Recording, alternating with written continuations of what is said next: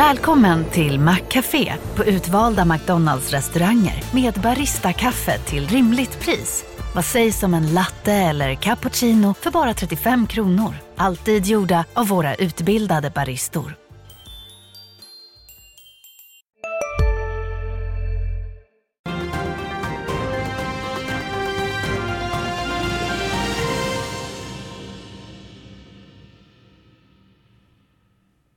Måndag och dags för lite ny energi här i studion. Glada miner i Asien efter en återhämtning på Wall Street i fredags efter jobbsiffran. Det är den 5 december du tittar på Börsmorgon. Varmt välkomna. Eh, energi i fokus alltså, både olja efter OPEC-mötet och elpriser. Så ska vi snacka åtminstone två case, varav ett kommer från Esbjörn Lundevall lite längre fram i programmet. Allra först säger vi välkommen till Ulf Pettersson på länk från Kalmar, Christian Kopfer, råvaruviskaren på Handelsbanken. Och så har jag min högsta chef här i studion också. Det ska vi prata lite om alldeles, alldeles strax. Men Christian, allra först. OPEC-möte igår. Några korta intryck? Ja, men det blev nästan lite så här gäspningsreaktion på, på att OPEC eh, beslutade sig för att hålla sina produktionskvoter och det var det mest väntade också. Det varit väldigt förvånande om de hade å ena sidan höjt med tanke på vad som händer. Eh, vi går ändå in i en försvagad ekonomi och det hade också varit förvånande om man hade dragit ner kraftigt med tanke på vad som kan hända med den ryska produktionen här nu de kommande månaderna. Va? Så att, eh, jag, jag, tror att det är en ganska väntad reaktion. Vi ser oljepriserna tickar upp lite grann där på morgonen. Eh, men eh, det finns eh, betydande risker ändå som jag, typ, jag, tycker jag har målat upp sig kring eh, horisonten. Jag vill höra mer om de riskerna, jag vill höra mer om det så kallade pristaket. Men vi ska rappa på lite grann här i början. Ulf Pettersson, oljepriset stiger ju också, jag tror vi har en graf på oljepriset, också på grund av hopp om återöppning i Kina, något som eldat på börshumöret ganska rejält på många sätt. Dina korta tankar om detta? Ja, men det är naturligt om nu Kina sätter fart igen. Vi såg ju inte det i PMI-siffrorna som kom i morse här, men, men om det blir bättre fart i Kina så är Kina den största eh, oljeimportören och det är klart att då, då blir det ju eh, en positiv effekt på oljepriset. Så är det ju. Ja, positiv effekt på många håll. Jag tycker jag läser allt fler HC aktieanalyser också, faktiskt både på DI och i Svenska Dagbladet i morse. Anders Rudolfsson eh, respektive Lars Söderfjell som var ute och andades optimism. Nu säger vi välkommen till Anders Eriksson, VD för Bonnier News som har lagt ett eh, uppköpsbud på Readly. Redley säger jag felaktigt ibland, men Readly är rätt. 12 mm. kronor är budet. Hur har ni resonerat? Readly är ju en, en, eh, en väldigt bra produkt eh, och en lojal läsarskara eh, och prenumerationsbas och en, en, en bra plattform och eh, vi tror att vi kan bidra med vårt ekosystem, digitala ekosystem med vårt innehåll och, och eh, vår räckvidd, distribution, marknadsföringsmöjligheter. Så att vi tror att vi kan skapa bättre förutsättningar framåt. För, för den som inte är medveten om ägarförhållandet, det här är ju min chef eh, några steg upp så var medveten om detta men jag ska försöka inte vara för snäll. Våra egna produkter, Bonnierfamiljen har tagit fram inte en utan två konkurrenter till Readly. Mm. Hur har det gått för dem tycker du så här långt? De har utvecklats eh, väl tycker jag. Eh, så att både Arky och Wipe som de heter har haft en bra utveckling. Eh, men eh, Readly var ju tidigt på marknaden och, och är ju, eh, ligger en, en bra bit före. Har ni hunnit fundera någonting kring om de här ska slås ihop eller vad har man för strategi om budet går igenom? Vi har inte fattat något beslut om det. Eh, men det är klart att vi kommer titta på hur vi, hur vi får ihop det här på bästa sätt. Budet är på 12 spänn. Det är en ganska schysst premie på 60 procent eh, jämfört med senaste kursen som ligger strax över 7 kronor. Däremot sattes den på börsen på 59 i september 2020. Jag kan tänka mig att det sitter långt inne för många aktieägare. Hur har ni resonerat kring prislappen i det här budet? Det är som du säger en, en, en rejäl premie eh, och eh, mot, mot eh, kursen och, och, hur den har sett ut under en längre tid nu. Ehm, så att vi tycker nog att det här är ett attraktivt bud. Mm, och det verkar styrelsen också tycka, eller om det var en oberoende budkommitté. I samband med noteringen så sa Bonnier upp sin egen medverkan i Readly, alltså Bonnier-tidskrifter finns inte med i den här produkten. Det här kom väldigt kort inpå man gick ut på börsen och sågs lite grann som ett medvetet sabotage av konspiratoriska bedömare. Vad är din bild av det händelseförloppet? Vi hade fattat det beslutet långt tidigare i en, en strategiprocess som vi gjorde under våren och sommaren. Ehm, och ehm, eftersom vi då var en stor partner och kanske vid det tillfället största partnern eh, bland många ska vi säga i och för sig, så, så kände vi att vi satt ju då på insiderinformation som vi behövde eh, gå ut med. Eh, så att vi hade en dialog med, med bolaget kring det och de, ja, de gick ut med den informationen. Så det var det som gjorde tajmingen eh, helt enkelt. Att vi hade information om att vi skulle lämna redan som hade fattats beslut innan det var känt med noteringen. Min första tanke var att man saboterade för konkurrenten och sen köper man upp den billigt när den ligger ner. Vad säger du om det, det resonemanget? Det är ju de här, det är helt orelaterat de här två eh, tillfällena mm. så att säga. Konkurrenter som SvD och Aftonbladet finns på Readly idag. Hur ser du på det? Kommer de att kunna finnas kvar även om Bonnier äger den? Ja, jag hoppas att vi kan skapa de bästa förutsättningarna för branschen gemensamt på den här plattformen, och den här produkten. Men det återstår att se. Vi kommer väl ha en dialog med våra par partners, innehållspartners kring, kring produkten framåt. Så att, eh, ja. Ursäkta mig franska, men det låter ju helt extremt osannolikt att vi på Bonnier ska distribuera Aftonbladet till svenskan, i alla fall i min sinnesvärld. Ja, vi får väl se. Jag vill inte uttala mig kring det. Jag har inte pratat med, med varken Aftonbladet eller, eller Svenskan eh, kring, kring det. Och, eh, så det återstår att se.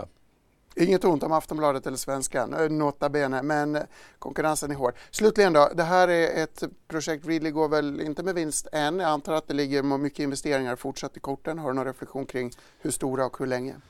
Alltså Readly har ju under året dragit ner eh, marknadsföringskostnaderna framför allt eh, som, ju, som då har, har gjort att eh, tillväxten har avstannat men också eh, liksom burn rate har ju gått ner eh, så förlusterna är ju avsevärt mindre än de var tidigare.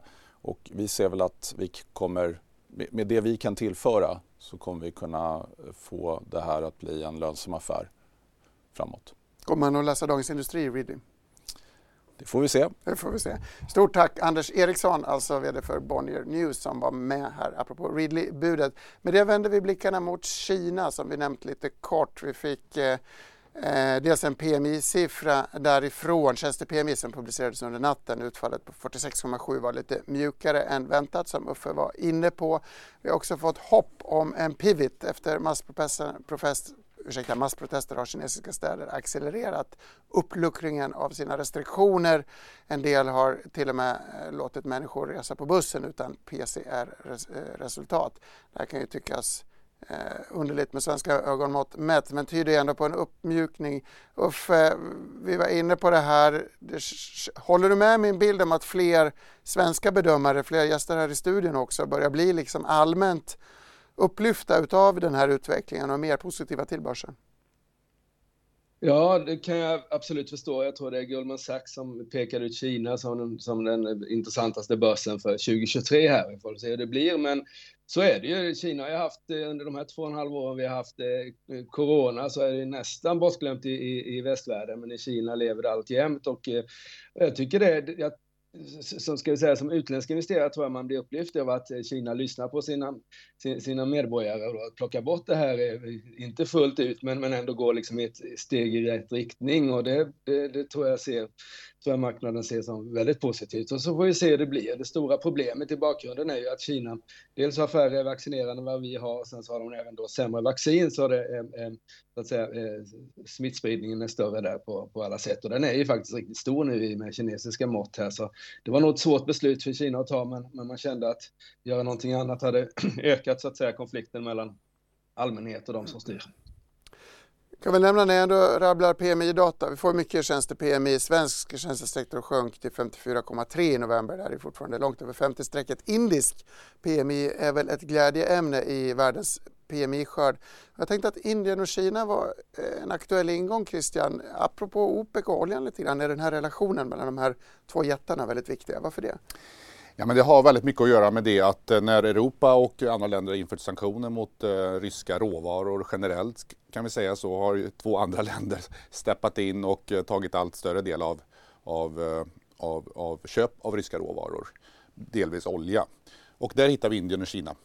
Mm. Du pratade om det här pris, eh, du var inne på det här pristaket tidigare. Det handlar ju mycket om att slå ut den ryska ekonomin om jag förstår det rätt. Men det går inte så bra för att Indien och Kina köper ändå, eller? Nej men precis så är det. Man ska komma ihåg att sanktionerna har ju det syftet att eh, sätta så mycket krokben det bara går för den ryska ekonomiska utvecklingen och eh, uppenbarligen deras möjlighet att fortsätta eh, den militära krigföringen i Ukraina. Och sådana sanktioner fungerar ju om det är så att det är en väldigt stor och bred uppslutning kring dem. Är det inte det och det finns ett stora, så att säga, stort antal eller möjligen ett, ett fåtal men stora aktörer som väljer att inte gå med på dessa sanktioner då, eh, då tenderar ju de sanktionerna som ändå har införts att slå tillbaka på de som har infört dem. Och det är delvis det som vi har sett i den eh, energikris som vi ser i Europa. Då. Mm. Det här pristaket då, vem är det som hittar på det och eh, kommer Ryssland att liksom behöva foga sig efter det på något sätt? Nej, men det är ett pristak som man har efter noga övervägande kommit fram till att det är någon form av gyllene medelväg då. I det här fallet så är det ett pristak som egentligen inte i, i dagsläget har någon effekt alls. Av det enkla skälet att den eh, ryska oljan som säljs på världsmarknaden idag till de som fortfarande köper den ryska oljan betalar ett lägre pris än vad det pristaget på 60 dollar stipulerar. Så att idag har det egentligen ingen effekt alls. Däremot kan det ju komma att ha effekt och dessutom har vi också sett här i helgen att de ryska reaktionerna har ju varit allt annat än eh, vad ska man säga, neutrala på, på den här typen av eh, försök att begränsa intäkterna till Ryssland. Uffe, vill du flika in något här i geopolitiken? Nej, utan geopolitiken är något vi kommer få leva med 2023 också. Det var ju lite som en blixt från klar himmel, Ukraina-kriget och det är ju, alla dessa effekter grundar sig någonstans där i och eh, det var väl ingen som trodde att vi skulle sitta eh, åtta månader senare, nio månader senare och prata om samma sak här och det är ju ett, ett eh, ska vi säga ett chicken race mellan, eh, man försöker så att säga pressa pressa eh, Ryssland så hårt det går, men inte hårdare än att, att liksom vi fortfarande kan eh, värma oss för vintern här. Så det är, ett, det, är ett, det är ett spel som pågår här, att man vill pressa Ryssland, men inte pressa Ryssland eh, till, till kostnad för, för europeisk allmänhet då, när vi står inför en, en vinter här då vi behöver, behöver olja och gas. Ja, eh, kul att du nämner 2023. Januari 2023 kommer vi nämligen att få dubbelt så hög elräkning som den vi fick i december. TT skriver en artikel om det här idag toppar bland annat Expressens sajt. Aftonbladet toppar med en man som lever på 3 000 kronor i månaden. Frugalt och sparsamt förstås. Tecken i tiden, det här med elpriser engagerar tämligen mycket. Vi har med oss lite grafer apropå det temat. Ja, men det stämmer bra. Det är ju en, eh, det, jag tror inte någon, det har undgått någon att vi är inne i en, en väldigt eh, jobbig period. Det har ju varit ända sedan i, eller under merparten av året faktiskt, när just när det gäller eh, energitillgången i Europa. Och, eh, och värre kan det komma att bli framförallt om man tittar på lite längre sikt. Vi har en liten Europakarta som vi ska börja med. Eh, vad är det vi ser här? Nej, men jag tog med den här bilden av det skälet att det, det pratas ganska mycket om vem som är boven i det här eh, Ja, förutom Ryssland då som, mm. är, som alla självklart hänger ut här. Men om vi tittar ur lite mer europeisk kontext så tycker jag den här var intressant för att se vilka är det egentligen som producerar mer el än vad länderna själva förbrukar. Här måste du ha fått fel på Tyskland. Va? Tyskland är ju boven, det vet ju alla, men det står att de är en exportör. Ja men exakt och just därför tyckte jag att den här bilden var, var av ganska stort intresse för Tyskland brukar hängas ut som en, eh, man säger, som en stor anledning till att vi är inne i den här energikrisen. Man. Och med, med tanke på att de har lagt ner så pass mycket kärnkraft genom årens mm. lopp. Och, men faktum är att Tyskland är fortfarande en eh, exportör av el. Och kärnkraftsnationen Frankrike importerar alltså? Ja, och nu, nu ska man komma ihåg att det är lite orättvist just för Frankrike på den här bilden. För Frankrike brukar vara en väldigt stor exportör över tid. Jag tror de kommer komma tillbaka till det också. Men nu ska man komma ihåg, tittar man på den här bilden så är det väl pretty much uh, neutrala där, liten, litet import där. Men Sverige är jätteviktiga, Norge, Eh, vårt östra grannland Finland, fortfarande beroende av el. Det har ju varit enorma uppstartsproblem med Olkiluoto 3. Det där är um, intressant. Vi pratar mycket om utbyggnad av kärnkraft i Sverige. Finland har satsat på det men det har tagit lång tid och blivit väldigt dyrt, väl? Absolut, det har tagit, varit ett enormt uh, debacle att få, att få den där reaktorn att, att börja producera el. Så att det, det, är klart att det har varit mycket besvikelse längs vägen och enorma fördyringar. Det, jag lägger ingen värdering, jag bara konstaterar fakta. Eh, det finns många energislag förstås. En är solkraft som vi har lite mindre potential för uppe i nord gissar jag. Lite svårt att läsa färgerna här men desto rödare desto bättre eller? Desto rödare desto bättre och eh, det här visar eh, en eh, jämförelse mellan hur det ser ut i Europa och hur det ser ut i USA och man kan ganska snabbt se här att USA lämpar sig väldigt väl för, för solkraft. Men nu lever vi ju i, i Europa här och tycker det, det som framförallt sticker ut här är ju de södra delarna av, av kontinenten. finns det ju jättestora möjligheter att bygga ut solkraft i Spanien exempelvis, men också i Italien. Om ni minns den förra bilden där så var Italien, det har mm. varit en av de absolut vad ska man säga, värsta aktörerna på elmarknaden i så mått att de har varit otroligt beroende av import. Och ett land som är, om, om du har ett flertal länder som, som exporterar men desto större importörer på sina håll, då är eh, Italien ett sådant. Och det tycker jag det faller tillbaka på dem själva för där finns det ju fantastiska möjligheter och har redan funnits under en period att bygga ut den delen. Istället är det landet otroligt beroende av gas och, eh, och av kol. Intressant. Vi tar med oss från den första kartan att boven i dramat kanske inte är Tyskland, det är Italien, jag noterade Balkan också, länder som skulle kunna bygga ut solkraft. Men det får vi ta paus. Vi fortsätter resonemanget strax, men klockan har slagit nio, dags för börsöppning.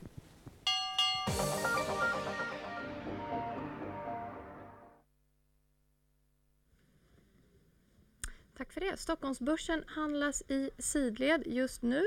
På storbolagsindex så hittar vi SBB i topp Eh, kreditvärderingsinstitutet Fitch har bekräftat SBBs kreditbetyg och ger samtidigt positiva utsikter med förhoppningar på förbättringar i fastighetsbolagets finansiella profil. SBBs intjäningsförmåga ökar från 2,33 till 2,40 för 2023.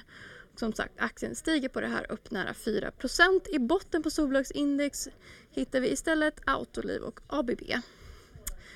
Vi har ju fått in inköpschefsindex ska jag också nämna för tjänstesektorn som sjönk till 54,3 i november från nedreviderade 56,6 i oktober.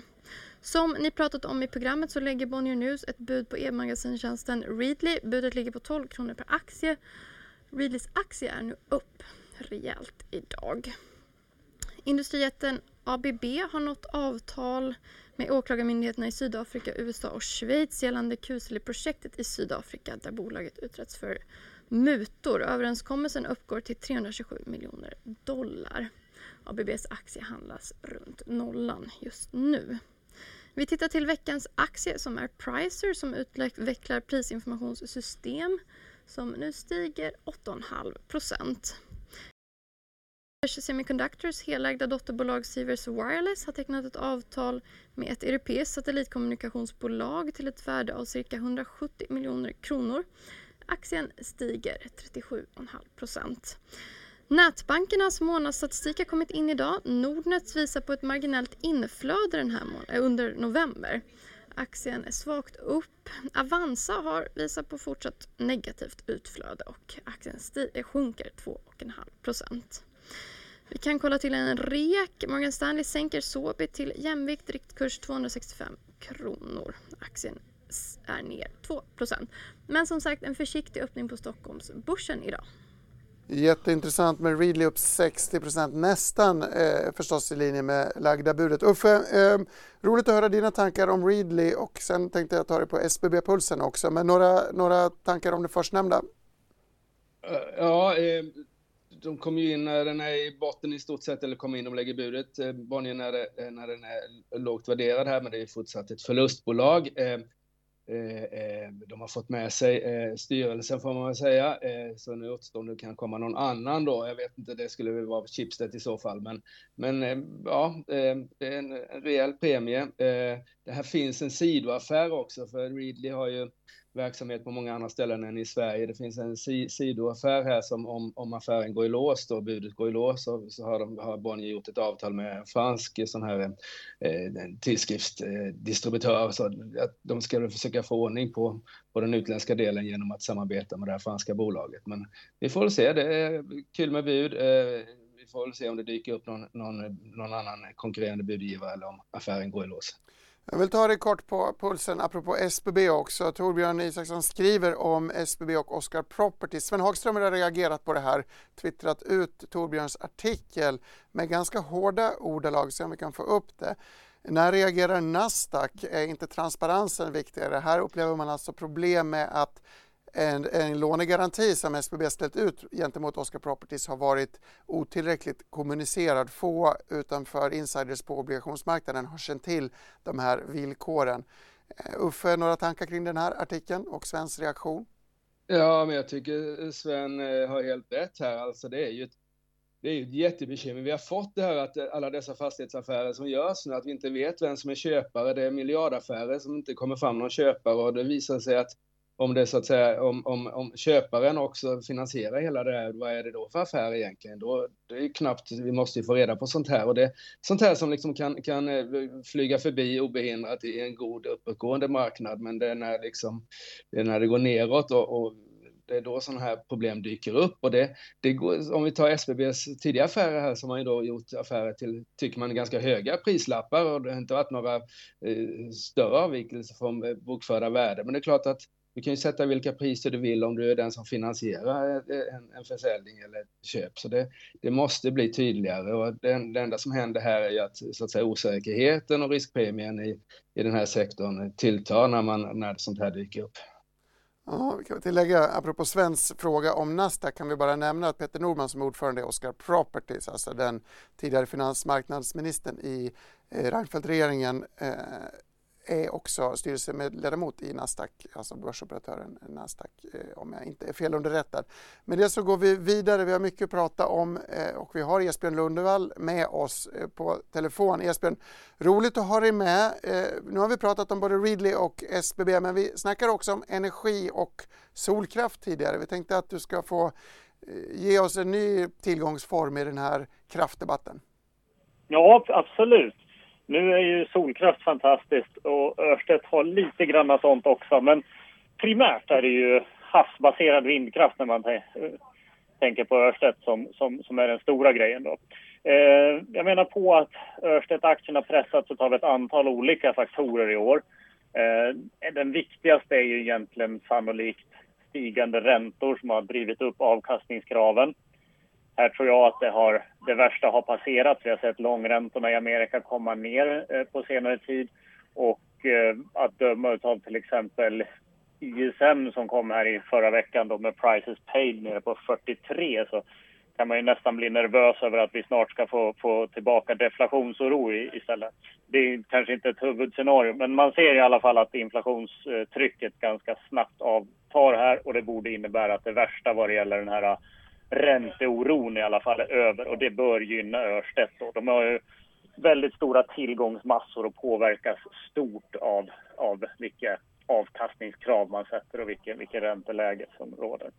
Sen är det också som så att de har eh, tyvärr då eh, eh i det korta perspektivet här så har de ju tyvärr då en, en prissäkringsstrategi så som en stor elproducent så hade de ju kunnat vara starkt gynnade av de superhöga elpriserna vi har nu. Men framförallt då från deras offshore, alltså havsbaserade vindkraftsegment som är det överlägset största, så har de ju sålt eh, bort elen. Och dessutom hade de råkat då sälja lite för mycket el, mer än vad man hade lyckats leverera sen. Så då har man ju fått köpa tillbaka då i den dyra spotmarknaden. Så de har drabbats rätt hårt av det där. Vi bedömer att alltså, det, det där är ju verkligen Eh, överhedgarna där är ju klart negativt då förstås, men, men inget jättebelopp. Och sen vad det gäller eh, säkringarna så innebär det naturligtvis då att resultatet 2022 blev ju sämre. Men istället då så kommer det ju så småningom, någon gång kanske 2024 om elpriserna har kommit ner lite grann till dess, så innebär det väl sannolikt att de får högre vinster då istället i och med att man ligger och rullar de här eh, prissäkringarna framför sig. Så vi tycker att det där också blivit lite överdrivet och borde ha passerat det värsta.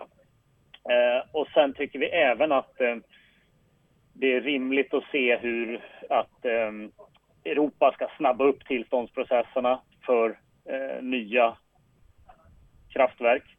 Eh, numera är det ju inte bara en fråga om att, och, så att säga inom citationstecken då, bara en fråga om att, att rädda klimatet utan även en ren eh, säkerhetspolitisk fråga och att kunna ha kraft att leverera överhuvudtaget. Ehm, och som en av Europas då ledande projektutvecklare inom havsbaserad vindkraft så bör Örsted vara eh, gynnade av det här. Dessutom är de ju eh, sannolikt en stor vinnare på IRA, alltså Inflation Reduction Act, eh, stimulanspaketet för förnybart i USA. De har ju ganska betydande projekt på gång även i USA. Och på temat projekt då, så det här är ju ett snabbväxande bolag. De hade per kvartalsskiftet 15 gigawatt uppe i produktion och de har projekt som är under byggnation eh, som ska ta det här eh, och, och sådana som är tilldelade som ska ta det här upp till 29 gigawatt och bolagets mål är att komma upp i hela 50 gigawatt år 2030 varav 30 gigawatt är havsbaserad vindkraft. Eh, så vi tycker att man ska köpa Örstedt. Vi har en riktkurs på 820 danska kronor. Mycket intressant. Esbjörn, häng kvar så ska vi ta Christian Kopfer på eh, tempen. Passande nog så har vi energi eh, det blir energibattle idag. Vad, vad tänker du om Esbjörns resonemang? Nej, men det låter vettigt. Eh, han har en bra koll där tror jag, Esbjörn, på, på Örstedt där. Vi, när det gäller Örstedt, de har ju en funktion att fylla, helt klart. Europa står inför gigantiska utmaningar de kommande decennierna, de kommande åren också för den delen. Att vi måste bygga ut vår energiproduktion. Havsbaserad vindkraft kommer att fylla en funktion i detta. Sen ska man komma ihåg att havsbaserad produktion är betydligt dyrare än landbaserad produktion. Det kräver i vissa fall, kanske inte i alla fall, men i vissa fall också ganska stora statliga subventioner. Vi har pratat om exempelvis här i Sverige som har pratat om 40 terawattimmar ökad havsbaserad produktion likaledes 40 miljarder i, från, från aktieägarna, eller förlåt, från skattebetalarnas fickor som då ska subventionera eh, anslutningsavgifter. Har ju nu den nya regeringen sagt att det vill man inte vara med om och det är någonting som i alla fall i vart fall eh, ökar risken får man ju konstatera. Sen har vi hört från vissa aktörer, exempelvis OX2 som har sagt att projekten står på egna ben i alla fall va? när det gäller havsbaserad vindkraft. Men det fördyrar det. Och det är betydligt dyrare. Det kräver enorma mängder koppar. Mm. Det är inte så att det är på något sätt eh, oproblematiskt att eh, slänga ner vindkraftsnurror i, i, i vattnet istället för att göra dem på land. Va? Det, det kräver mycket, um, det, det, tar mycket på, på, på klimatet även där. Esbjörn, jätteintressanta invändningar. Dina tankar kring den hö de höga kostnaderna och den politiska risken. Det finns ju en ganska stark eh, miljörörelseaktivism mot havsbaserad vindkraft i Norge också, om jag förstår saken rätt. Ja, absolut. Det finns ju en så att säga not in my backyard problematik för all energiproduktion tyvärr. Då, då. Men någonting behöver vi ju ha. Det märker man ju inte minst nu då, då och kommer att göra den här vintern. Att någon, någon slags energiproduktion måste man ha. Eh, och det, det, finns för och nackdelar med, med de flesta källorna.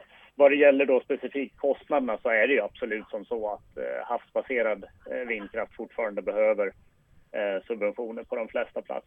Det gäller just då nätanslutningsavgifterna så är väl de flesta länder ändå då eh, inne på att, att eh, underlätta det på ett annat sätt då än, än Sverige. Vi har väl kanske en, eh, en, en, en ovanligt negativt inställd regering då till, till eh, havsbaserad vindkraft här. Fördelarna med havsbaserat är naturligtvis att du har inte så mycket fysiska grannar, vilket ju brukar vara det stora problemet med landbaserad. Eh, så att den behöver inte störa så många och det går att bygga stora anläggningar och du har en relativt sett eh, jämnare eh, vindhastighet och, och, och, mera, eller st större andel av tiden som, som vinden blåser. Sen ska man komma ihåg att Örstedt är inte bara eh, havsbaserad vind, det är även landbaserad vind och solkraft också. Då. Men det är definitivt en, viktigt för dem att, att eh, den havsbaserade vindkraften får, får spela en roll. Stort tack för det Esbjörn Lundevall på SEB som alltså uppnådde full konsensus med rivalen Handelsbanken här i studion i detta, denna fråga. Däremot om vi breddar perspektivet lite, vi har några bilder kvar. Eh, en handlar om att elektrifieringen av, av Europa kräver mängder av energi. Ett Hej, Ulf Kristersson här. På många sätt är det en mörk tid vi lever i. Men nu tar vi ett stort steg för att göra Sverige till en tryggare och säkrare plats. Sverige är nu medlem i Nato. En för alla, alla för en. Vi är specialister på det vi gör, precis som du. Därför försäkrar vi på Swedea bara småföretag, som ditt. För oss är små företag alltid större än stora och vår företagsförsäkring anpassar sig helt efter firmans förutsättningar. Gå in på swedea.se företag och jämför själv. Bolagsmörstedt passar ju lite in i ditt resonemang att man ska bygga flera olika sorters kraftinsamling på väldigt många olika håll, eller hur? Det är alldeles riktigt. Vi, eh, jag tror vi, vi kommer inte kunna säga nej. Vi har inte råd att säga nej till eh, varken förnybart eller till um, kärnkraft som baskraft. Vi kommer behöva titta på, dem på, på det båda. De här, den här grafen, den här figuren visar Europas energibehov när det gäller elektricitet de kommande, kommande åren, de kommande decennierna. Då kan vi se fram till 2030 och det, det här är planer som som ett, har etablerats under ett tag och det var, ska jag säga då, innan Ryssland invaderade Ukraina. Men det här bygger i, i mångt och mycket på en elektrifiering av Europa. Mm. Det är också det vi ser i Sverige. Och det kräver, om vi bara tittar några år framåt, fram till 2030, så förväntas eh, konsumtionen av elektricitet i Europa öka med över 1000 terawattimmar. Det kanske inte säger så mycket, men 1000 terawattimmar det är någonstans eh, tror det är ungefär dryga 80 stycken eh, moderna kärnkraftverk av Olkiluoto 3 exempelvis. Oj, ja, okay. Eller eh, ett oberäkneligt antal eh, vindsnurror. Och nästa bild handlar ju om hur vi ska lösa den här eh, gigantiska utmaningen. Då. Berätta vad vi ser här. Nej men exakt och det här är ett exempel på då hur, skulle, hur kan Europa lösa detta och återigen, jag tror inte vi har råd att, att säga nej till, till det ena och bara fokusera på det andra utan tvärtom. Vi måste fokusera på på, på många lösningar och Esbjörn var inne på havsbaserad vindkraft. Det fyller sin funktion här. Mm. Men också landbaserad vindkraft som går betydligt snabbare och är också betydligt billigare att bygga. Och, men, men, men kontentan här är att om, om vi ska undvika att bygga ut kol eller gas eh, och, och sikta på då baskraft i form av kärnkraft och förnybart i form av sol och el så är det en fördubbling. En fördubbling av elproduktionen fram till 2030 och det är en utmaning. Jag tror att det finns eh, nuvarande planer på just den förnybara delen som då når de här målen men inte just eh, när det gäller kärnkraften. Esbjörn, du nämnde den politiska risken. Esbjörn pratade om not in my backyard-problematiken. Men tittar du på en Europakarta i början. Om man tittar på en Sverigekarta så har vi ju Egentligen är det ganska talande. Du har kraftproduktion i norr, höga priser i, i, i söder och sura miner över det.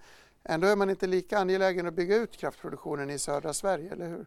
Nej, det är tvärtom. Va? Det, man brukar säga att i Sverige som helhet så röstas vindkraftprojekten ner i jag tror, åtta eller nio fall av tio och eh, en ännu högre om, omfattning i den södra delen av landet. Och, eh, det, om tittar vi just på, på Skåne då, eller um, om vi tittar på elområde 4, vilket är den absolut den mest södra delen av landet, så är den delen till 20 procent till 20 procent ungefär självförsörjande. Det vill säga att man måste hämta 80 procent av sin elkonsumtion någon annanstans ifrån än från sitt eget elområde. Och då kan man säga så, ja men dela inte upp Sverige hit och dit i olika delar, vi ska inte splittra landet. Men jag tror att elproduktionen kommande decennierna, vi måste tänka mer lokalt, mer regionalt. Alla måste ta sitt ansvar när det gäller ökad elproduktion och så även de olika elområdena. All, alla kan inte bara köpa från Norrland. Jag, finns, jag har hört åtskilliga exempel på det att företag i, i... Varför kan vi inte bara köpa från Norrland då? Nej, av, av det, dels så, så, så, går det mycket förlorat på vägen. Dels så kommer, det, om vi tittar på industrialiseringen, som i mångt och mycket är förväntad att ske i Sverige, så sker den just i Norrland. De kommer att behöva nästan all, tror jag, den konsumtionen själva. Den produktionen själva. Mm. Och det, exempelvis, kan ta, jag tog, har några företag som exempel här, men det handlar exempelvis om, eh, jag kan ta Hot for Green Steel som är aktuellt med att man ska sätta stålproduktion i Boden i, eh, i produktion här i, jag tror det är 2025. Det är bara några år, några år kvar. Tittar vi på deras mål fram till 2030 så handlar det om, om jag minns rätt, någonstans runt 5 mm. miljoner ton. Ska det göras helt grönt, får vi se om de når dit, men om det ska göras helt grönt, då handlar det om elkonsumtion på ska säga, drygt 20 terawattimmar. Och det är alltså 20 terawattimmar på en total elkonsumtion på 140 i Sverige idag på ett enda bolag som inte ens, ja det finns ju, men de har ingen produktion alls idag. LKAB har pratat om 70 terawattimmar i ökad elkonsumtion, inte de kommande åren men de kommande decennierna. SSAB, Northvolt och så vidare. Va? Alla de här företagen i kombination kommer att öka sin elkonsumtion substantiellt i just de norra delarna av landet.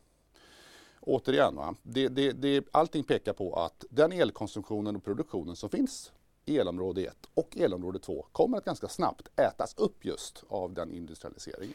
Vi ska faktiskt prata mer om norra Sverige alldeles strax, men vi ska ta en liten paus och Notera att det var den andra advent igår. Idag är det den tredje gången vi kör Börsmorgon i december månad. Eh, traditionsenligt, en ganska ny tradition visserligen, men vi högtidshåller detta med en julkula som den här förmiddagen kommer från Maria Landeborn på Danske Bank. Börsåret 2022 bjöd på stor turbulens och bland placerarna på börsen rådde ambivalens. Ska man köpa eller sälja, ligga lång eller kort? Stigande räntor fick kapitalet att vittra bort. När nu äntligen året mot slutet går är det många strateger som river sitt hår. För makrodata ser allt dystrare ut, men från flocken på börsen hörs idel glada tjut. Får vi bara en recession så leder ju det till lägre inflation och då kan Powell luta sig tillbaka och sluta om räntehöjningar tjata. Risken finns dock att verkligheten kommer i kapp och får vi en lågkonjunktur så kan det bli bottennapp. Men allt är såklart inte mörkt och deppigt så låt oss avsluta med någonting mera peppigt. Förr eller senare så vänder börsen upp och den som håller ut brukar alltid bli en vinnare till slut. Maria Landeborn, stort tack för den fantastiska juldikten. Ulf, det här var en juldikt som man faktiskt kan tycka sammanfattar läget på börsen väldigt bra. Två läger, skeptiker som ser fallande vinster framför sig och ett glädjeskjutande läger som ser toppen på inflationsproblematiken och snart lugnare centralbanker. Vilket, vilket läger är Ulf Pettersson i och i vilket elområde ligger Kalmar?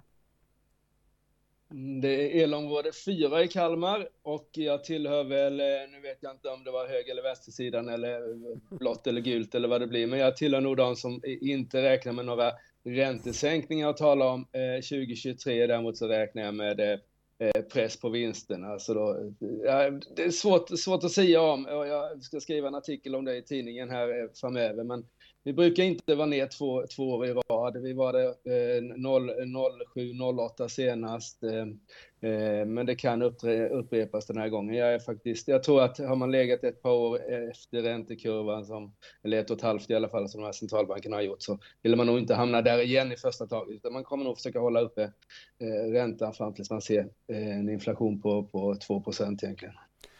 Christian, jag är ledsen att jag drog ur sladden ur ditt elresonemang tidigare, men eh, det här eh, team börsuppgång eller team eh, avvaktande vinster, vilket läge ligger du i?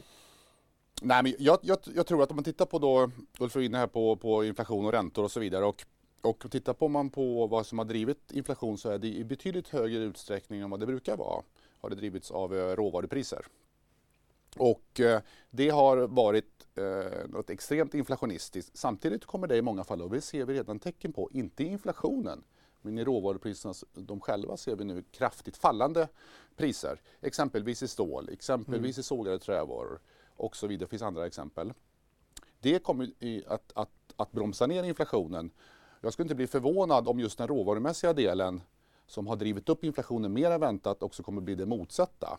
Sen tror jag, eller inte mitt område just med, med, med penningpolitiken, men jag skulle kunna tänka mig att man, man kommer att, att gasa på ganska hårt och kanske till och med man blåser på för hårt när det gäller ränte, eh, räntehöjningar och sen att man, tror jag, tvekar nog ganska länge innan man börjar någon form av så klassisk eh, alla 2015 till 2020 räntesänkningsbana igen. Jätteintressant tycker jag. Jag vill nämna Svenska Dagbladet eh, som kanske kommer fortsätta finnas kvar hos Readly. De har en intressant eh, intervju med Per-Jörgen Persson som eh, eh, bland annat pratar om en krasch inom VC-investeringar förstås, inte oväntat men skönt med någon som tar bladet från munnen. Han säger också att många stater är så högt belånade att deras ledare egentligen vill ha en hög inflation det enda sättet att bli av med en alltför stor skuldbörda. Det här är en åsikt som jag själv har eh, försökt få gehör för hos, hos de ekonomer vi intervjuar. Intressant att den börjar sprida sig. Kanske får vi leva med eh, lite högre inflation i kombination med lägre räntor längre fram. Men Ulf, Christian pratar ju om priser som centralt här. Du har skrivit en aktierekommendation om ett bolag som heter Priser fast stavat med C och uttalat Pricer. Precis, eh, eh, Det är ju ett gammalt klassiskt eh, ska vi säga, förhoppningsbolag länge men sen nu så tjänar de pengar. Kom till börsen 96, startades 91 och gör då sådana här elektroniska prislappar i butikerna som man ser lite överallt.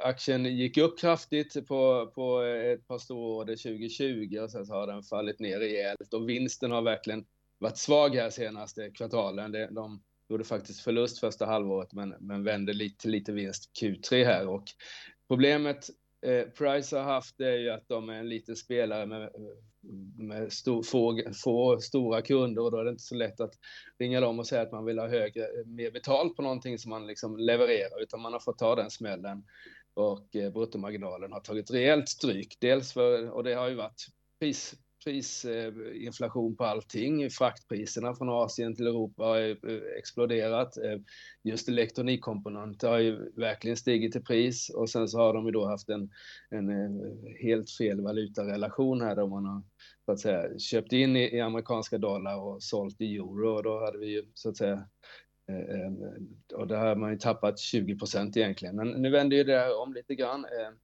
Eh, så jag tror nog det kan bli lite vändning för, för Price. Det jag gillade, eh, senaste rapporten här var orderingången som var upp eh, 70 procent och en väldigt optimistisk VD och har en prognos på en försäljning på 4,5 miljard 2025 och de omsätter två nu så når de det och sen så att de här externa faktorerna lättar lite grann så kan det bli, kan det bli ganska bra tror jag för, för Price kan, man kan ju tycka att det finns en viss ironi i att ett bolag som jobbar med prismärkningar är så utsatta just för prisutveckling och har svårt att höja priserna själva. Men, men eh, du tror alltså att kostnadskomponenten kommer att bli mindre, eh, mindre beklämmande och man kan tjäna mer på nuvarande prissättning längre fram? Tolkar jag det rätt? Ja, ja, dels det och sen så kommer man ju använda, alltså ju, ju fler gånger du förändrar priserna på deras elektroniska prismärknings produkter så, så, så, att säga, så, eh, ja, så används de mer och då så går de sönder lite oftare och så där. Plus att det finns ju en ny marknad. Det är ganska intressant. I USA då så ska man lansera sådana här fyrfärgsprislappar eh, då, elektroniska och, och eh, i USA så gillar man eh, gult och rött och sånt där och det har man inte riktigt haft tidigare så det kan nog liksom få att man får nya kunder, nya kunder där. Eh. Och som sagt var, prisförändringar är bra för dem och de har ju märkt en stor efterfrågan. Den här orderingången på 70% upp, det är ju mycket att vi ändrar priser på sånt som vi inte har ändrat priser på tidigare. Och även om inflationen skulle falla så behöver vi förändra priserna då också. Det kan faktiskt vara så att vi kommer ha liksom varierande priser i hög grad än vad vi haft tidigare ett ganska bra tag här. Så, men det är en, det är en högrisk, jag skriver det också, att det är en eh, högrisk aktie med tanke på den fallande bruttomarginalen och att vinst, vinsttrenden är kraftigt vikande här senaste kvartalen så, så är det liksom inget man ska ha längst ner i portföljen utan man ska ha det som en krydda eh, längst upp kanske. Ja, vi ska fortsätta titta på lite priser, nämligen de som sätts på börs och marknad och vi går till Sofia Hårdänge och Studio 2. Varsågod. Tack för det. Ja, Stockholmsbörsen handlas fortsatt i sidled. På storbolagsindex så hittar vi SBB i topp, stiger nära 4% idag. Kreditvärderingsinstitutet Fitch har bekräftat SBBs kreditbetyg och ger samtidigt positiva utsikter med förhoppningar på förbättringar i fastighetsbolagets finansiella profil. SBBs intjäningsförmåga ökar från 2,33 till 2,40 för 2023. Som sagt, aktien är upp nu 4 som ni ju pratat om i programmet så lägger Bonnier News ett bud på e-magasintjänsten Readly. Budet ligger på 12 kronor per aktie och nu handlas aktien för nära det. Har stigit kraftigt nu, 56 procent här under morgonen. Industrijätten ABB har nått avtal med åklagarmyndigheterna i Sydafrika, USA och Schweiz gällande Kuseli-projektet i Sydafrika där bolaget utretts för mutor. Överenskommelsen uppgår till 327 miljoner dollar. Ni pratade ju precis om veckans aktie där, Pricer. Vi tittar till den som stiger 7,5% idag. Teknikbolaget Sivers Semiconductors helägda dotterbolag Sivers Wireless har tecknat ett avtal med ett europeiskt satellitkommunikationsbolag till ett värde av cirka 170 miljoner kronor. Aktien stiger även den kraftigt idag, 21,5 Nätbankernas månadsstatistik har vi fått in idag. Nordnets visar på ett marginellt inflöde nu under november. Aktien tappar ändå 1,5% Avanza har fortsatt negativt utflöde, tappar 3,5% idag. Vi kollar till två rekar innan vi går tillbaka till er i studion. Morgan Stanley sänker Sobi till jämvikt, riktkurs 265 kronor. Aktien är ner idag 3,5 procent. Bank of America sänker sin rekommendation för Telia till underperform från neutral. Aktien, ingen större rörelse där, handlas ner en halv procent. Men som sagt fortsatt handlas Stockholmsbörsen i sidled denna måndag. Stort tack för det. Jag tänkte vi ska titta i en tidning till, nämligen Dagens Industri som idag skriver om det Christian var inne på, industrialiseringen av norra Sverige. LKAB och eh, H2 Green Steel är alltså inte ensamma om att vilja ta fram grönt stål. Det är huvudbudskapet i den här artikeln. Så kan man läsa mycket om konkurrenter och statsfinansiering. Ulf, om du får börja, dina tankar. Har vi underskattat hur många spelare som vill komma åt det gröna stålguldet? Ja, det tror jag. Vi har mest eh, hört talas om de två stora som finns i, i Sverige här, men eh Eh, det är ju inte bara i Sverige som man har sett, som man har sett att hållbarhet är ett försäljningsargument och kanske också nödvändigt ju, ja, leva på jorden. Så då är det många som är där. Överhuvudtaget så är det ju en fantastisk omställning som sker nu. Vi har ju dels det här att vi ska göra stål, grönt och sen så har vi hela batteri batteriproduktionen. Eh, det är 40, 40 50 sådana här eh, giga, gigafabriker under, under planering också, inte bara Northvolt. Så det, det, är inte bara i Sverige och i Norrland det här händer, utan det händer överallt. Och som vanligt får man väl anta då att, eh, att det här är liksom en snabb teknikutveckling inom bägge de här väldigt stora projektbitarna. Så då kommer en del visa sig vara betydligt mer effektiva än andra och eh, merparten kommer slås ut. Så det är inte, det är enorma möjligheter men riskerna är också enorma och insatserna är, är jättestora. Så det här är något som vi kommer ha väldigt eh, intressant att skriva om under många år framöver för, mm. från tidningens sida. Ja, jag tycker det är bra att vi påpekar riskerna. Det är två parallella gigantiska satsningar med många frågetecken. Dina tankar? Nej, men det är rätt. Det är, det är en, en, stor, eh, en väldigt stor omställning världen över. Sen ska man komma ihåg att, att göra ett, ett stål grönt från botten till toppen, om vi, om vi kallar det för det, det kräver enorma mängder energi.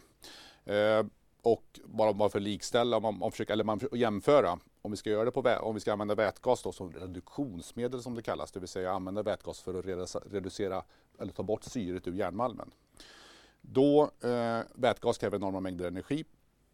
Ungefär, om vi jämför det med en traditionell ståltillverkning som ändå har en ljusbågsugn i botten, det vill säga mm. elektrifierad, va? men som använder skrot som insatsvara, då ökar energiförbrukningen med faktor 4. Ungefär. Fyra gånger så mycket? Fyra gånger så mycket. Ja. Någon kommer säga lite mer, någon kommer säga lite mindre, men ungefär va? fyra gånger så mycket. Och det, det är bara att räkna baklänges, det blir enorma mängder el. Så nu. Så det ska... låter inte bara grönt om man inte har väldigt grön energi förstås. Precis, va? och det är ju frågan då, ska man, ska man producera grönt stål i, om vi tar Tyskland som exempel. Ja, men det kan vi göra, men dilemmat blir då om du producerar den, om du, om, om du producerar den vätgasen som, och så hittar den elen från ett kolkraftverk mm. några mil ifrån. Eller något sånt där va. Då är det inte lika roligt kanske. Eller, eh, eller du kanske har någon, eh, något annat som du kanske har något gasbaserat, det är inte heller så jättekul. Ska du göra ett helt grönt stål så behöver man ju rimligen ha tillgång till energi som också är grön. Va? Eller om vi, om vi nu klassificerar kärnkraft då som en grön energikälla, många som gör det. Eller sol eller vind. Det har vi ju tillgång till i Sverige i väldigt hög utsträckning. Så att Sverige är ju, är ju väldigt anpassat för en sådan grön stålproduktion i, ett an, i en helt annan utsträckning än många andra länder av det skälet att det är en helt annan energimix. Men det kräver alltså, som du var inne på tidigare, att man producerar mer energi också i södra Sverige så att den frodiga nordliga produktionen kan gå till den här omställningen kan man tänka sig? Ja, och det kommer det att göra i alla fall. För att om man, om man tänker sig att öka konsumtionen kraftigt där produktionen finns, då kommer den produktionen att framförallt gå dit elen. Så att det, det, det vill till, alltså, tittar du söderut i landet, så bara, det, det kommer vilja till att man kommer behöva öka sin egen produktion för den produktionen man vill, kanske vill hämta från andra delar finns inte där. Eh, här fick vi tillbaka din industrialiseringsgraf för norra Sverige. Jag vill eh, dra mig till minnes någonting som Esbjörn var inne på tidigare, nämligen Inflation Reduction Act i USA som i princip handlar om stora statsstöd till bland annat batteriproduktion, alltså konkurrenter till eh, Northvolt och andra svenska batterisatsningar. Vi pratar inte så mycket om marknadsriskerna i de här produkterna. Vi är glada över att det satsas förstås. Vi pratar lite om energiproblemet du precis beskrev. Vi får se hur väl det faller ut, hur bra batterierna blir. Och det verkar som att statsstöden regnar ner i andra delar av världen över den här typen av satsningar. Ja, men lite grann av ett dilemma faktiskt. För det, ju mer du ska säga, har stats väldigt inriktade, specialinriktade stöd till, till ett fåtal eh, företag, i de, oftast i de länderna där de verkar. Va? Det innebär ju eh, problem ur ett konkurrensmässigt perspektiv. SSAB är ute och pratar om det idag, mm. om jag minns rätt, här i Dagens Industri och säger att det, det stödet som Salzgitter, som då är ett, i mångt och mycket ett tyskt eller centraleuropeiskt företag, får direktriktade stöd eh, från, eh, från de länder där de, där, de, där de verkar. Blir de stöden väldigt stora i förhållande då till investeringen, om du kan säga, va? så, så det, kan det sticka ut väldigt kraftigt i förhållande till vad andra liknande bolag får och det, det riskerar ju snedvrida konkurrensen. En ojämn spelplan. Samtidigt kan man ju tycka, jag tror många skulle tycka att den här omställningen är så viktig att det är värt att få in statliga stöd för att klara omställningen. Vi, vi, vi, tar, vi tar punkt där ändå och ska försöka avsluta det här resonemanget med någon slags investeringscase, Ulf. En lågt hängande frukt när man tittar på den här stora omställningen det är ju att gruvnäringen ska bli eh, väldigt kraftigt gynnad av, av, allt det vi just har diskuterat. Dina tankar där? Ja, fast det är ju enorma investeringar också. Just den här teknik, det är ju liksom början igen. det är en helt ny teknik då, för att säga, åtminstone på den nivå som vi pratar om nu då, storleksnivå, så då är det, finns det en betydande risk också. Det är många miljarder som ska ut här, så eh, det är väl lite sådär, eh, man ska väl mm, som under guldruschen eh, på 1800-talet i USA, det är kanske bättre att satsa på de som inte så att säga gräver guld, utan de som eh, sälj, säljer jeansen istället, eller hur man brukade säga, eh, Levi's jeansen där. Eh, och då, då, då, finns det ju liksom eh, underliggande bolag som inte tar den eh, teknikrisken men som ändå liksom levererar och kommer leverera först också. Det är väl sånt man ska ha. Något som jag tycker är liksom it-ordet för, för, för dagen eh, är ju energilagring och allt vi har pratat om nu handlar ju egentligen om energilagring, hur vi ska sol, vind och, och, och, och vatten och allt sånt där. Det är ju det är ju eh, jättemiljövänligt fast eh, vi måste ju laga det om vi ska ha, ha liksom eh, energi även på vintern då. Så där tror jag liksom, där finns ju också en väldigt intressant marknad. Men men ja, vi får se. Det är nog lite för tidigt att peka ut liksom, de som satsar mest nu som, som vinnare i framtiden. Utan det kommer hända jättemycket i den här sektorn. Och som sagt här finns ju mängder av eh, hela den här Inflation Act som du pratade om Gabriel är ju en, ett, ett sätt att stödja amerikansk ekonomi in i den nya tiden här. Och det, det blir tufft för lilla Sverige att, att möta det då påpekar att eh, Levi Strauss Inc är ner 30,95 procent hittills i år på New York-börsen. Det jag fiskade efter var väl, kan man se Boliden som en spadleverantör eftersom man levererar råvarorna till den här omställningen? Ja men absolut, eh, det kan man definitivt se. Två viktiga råvaror för det bolaget är exempelvis koppar och nickel. Nickel kommer att bli en allt viktigare metall när det kommer till eh, batteriproduktionen. Man försöker i ökad utsträckning ersätta kobolt eh, mot nickel och har gjort det på ganska framgångsrikt sätt de senaste åren och det kommer att öka efterfrågan på nickel kraftigt de kommande åren. Koppar är ju den klassiska metallen när det mm. kommer till elektrifiering och vi var inne på det här tidigare med exempelvis havsbaserad vindkraft som är eh, som man tar till då i, i syfte att få, få igenom projekten på, på ett lättare sätt istället för där de möter så mycket motstånd på land. Vad blir effekten? Ja, det kräver mycket mer koppar det är i princip den enda metallen du använder. Du, finns, eh, du kan använda aluminium i vissa fall och så vidare. Men koppar är, kommer vara i princip den absolut viktigaste metallen när det kommer till hela elektrifieringen av samhället. Och det är klart att sådana eh, bra koppartillgångar kommer att, eh, tror jag kommer öka i, i värde betydligt de kommande 5-10 åren. Med det börjar vi närma oss slutet på dagens program. Jag har två små punkter som jag vill riva av bara innan vi tackar för kaffet. Den ena, Uffe, det kom lite data ifrån våra kära nätmäklare Avanza och Nordnet nu på morgonen. Har du kollat något på statistiken och vilka slutsatser kan vi dra därifrån?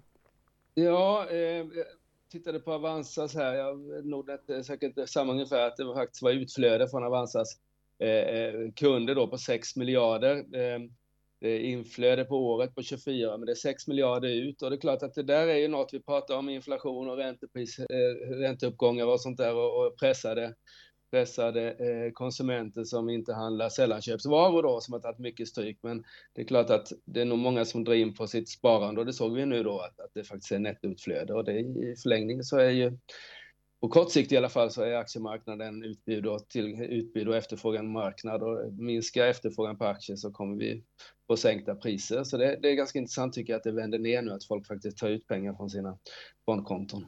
Mm. Och sänkta priser skulle vara en, punkt, en avslutande punkt till dig Christian. Vilka priser kan vi räkna med 2023 om vi tänker på de elpriser vi började eller pratat om så mycket i programmet? Vi har en framåtblickande graf också. Nej men absolut. Jag, jag tror dels att elpriserna 2023 kommer att vara lägre än, än 2022 som helhet. Och det, och det är av det skälet att vi går in i en, en djup lågkonjunktur. Vi ser en mängd exempel på att elintensiv industri inte för, att man, inte för att man vill, för att man måste stänga ner sin produktion. Vi har sett otaliga exempel på det inom exempelvis eh, aluminium. Aluminium är det mest energiintensiva som finns inom mm. basindustrin. Följt av exempelvis återvunnen kartong, pappersproduktion, eh, Eh, zinksmältverk och så vidare. Europa är stora på zink. På zink. Det här är, den eh, här grafen visar elintensiteten bland olika råvaror. Och tittar vi på de material som finns här så är det i princip allt inte konkurrens. Det finns inget som är konkurrenskraftigt här. Förutom något enskilt. På eh, de här prisnivåerna? Ja, på de här alltså. prisnivåerna. Förutom några enskilda exempel, tror jag kopparsmältverk och eh, då är det färskfiberkartong som fortfarande fungerar här. Och det är ju för att priserna, även om de har kommit ner kraftigt i Centraleuropa, så ligger de fortfarande på ohållbara nivåer. Du får betala över 300 300 euro per megawattimme och det är någonting som inte fungerar för basindustri över tid. Och här såg vi den förra grafen, den här är jätteintressant. All, elpriserna i den blåa kurvan och allting över den vita linjen är alltså för mycket för svensk industri? Ja, alltså var du sätter den gränsen det kan man debattera timme ut och timme in. Men, men eh, i vart fall kan vi konstatera att även om priserna har kommit ner från de helt exceptionella nivåerna, vi är uppe på 1000 mm. euro per megawattimme ett tag där, eh, så är det fortfarande på ohållbara nivåer. 300, 300 euro, eller någonstans vad blir det 3 kronor per kilowattimme i motsvarande då. Det är priser som inte fungerar och det är av det skälet att andra länder utanför Europa har betydligt lägre. Och då blir den europeiska basindustrin utsatt för för hårt tryck och den kommer inte vara konkurrenskraftig då. Intressant. Uffe, vill du spela in ett sista inspel på det här? Det låter som ett stort minus för själva hjärtat i den svenska industrin och börsen därmed. Ja, det är det ju. Och det är liksom, drar man ut eh, trendlinjerna bakåt så, liksom, så är det ju vår vattenkraft, bland inte minst, som, som liksom har gjort, gjort att vi hade en väldigt stark basindustri. Och det är klart att eh, är det en konkurrensfördel som, som, som försvinner nu så blir det ju, blir det ju jättetufft då för, för, för Sveriges eh, exportindustri. Och det är det. Vi pratar om eh, att 3 kronor var, men jag ser, man förväntar sig just 3,40 idag uppe i Norrland också och då är det ju väldigt tufft för, för de som gör med mycket, mycket el. Så det där är något, jag vet inte riktigt hur vi ska hantera det där, men det handlar nog om energilagring för att liksom jämna ut de här väldiga prisfluktuationerna som har varit. Som man liksom, det har ju varit enstaka dagar till och med med negativa priser och sen så nästa, nästa dag så är det 4-5 kronor kilowattimmen och det är klart att det går inte att driva någon slags långsiktig verksamhet när det, när det varierar så. Nej, fast vi på DITV är långsiktiga och återkommer enligt plan klockan 14 med Börskoll och samma tid, samma kanal 8.45 imorgon för Börsmorgon. Häng med oss fram till dess när du vill på di.tv, di.se. Christian Kopfer från Handelsbanken, Ulf Pettersson från Dagens Industri och jag, Gabriel Mellqvist, tackar för oss och önskar dig en fortsatt glad måndag. Lycka till där ute!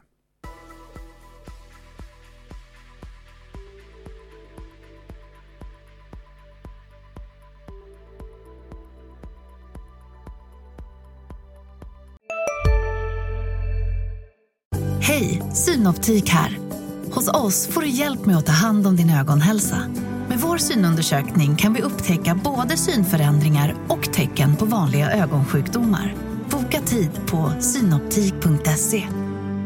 En nyhet. Nu kan du teckna livförsäkring hos Trygg-Hansa. Den ger dina nära ersättning som kan användas på det sätt som hjälper bäst. En försäkring för dig och till de som älskar dig. Läs mer och teckna på trygghansa.se. Trygg Hansa. Trygghet för livet.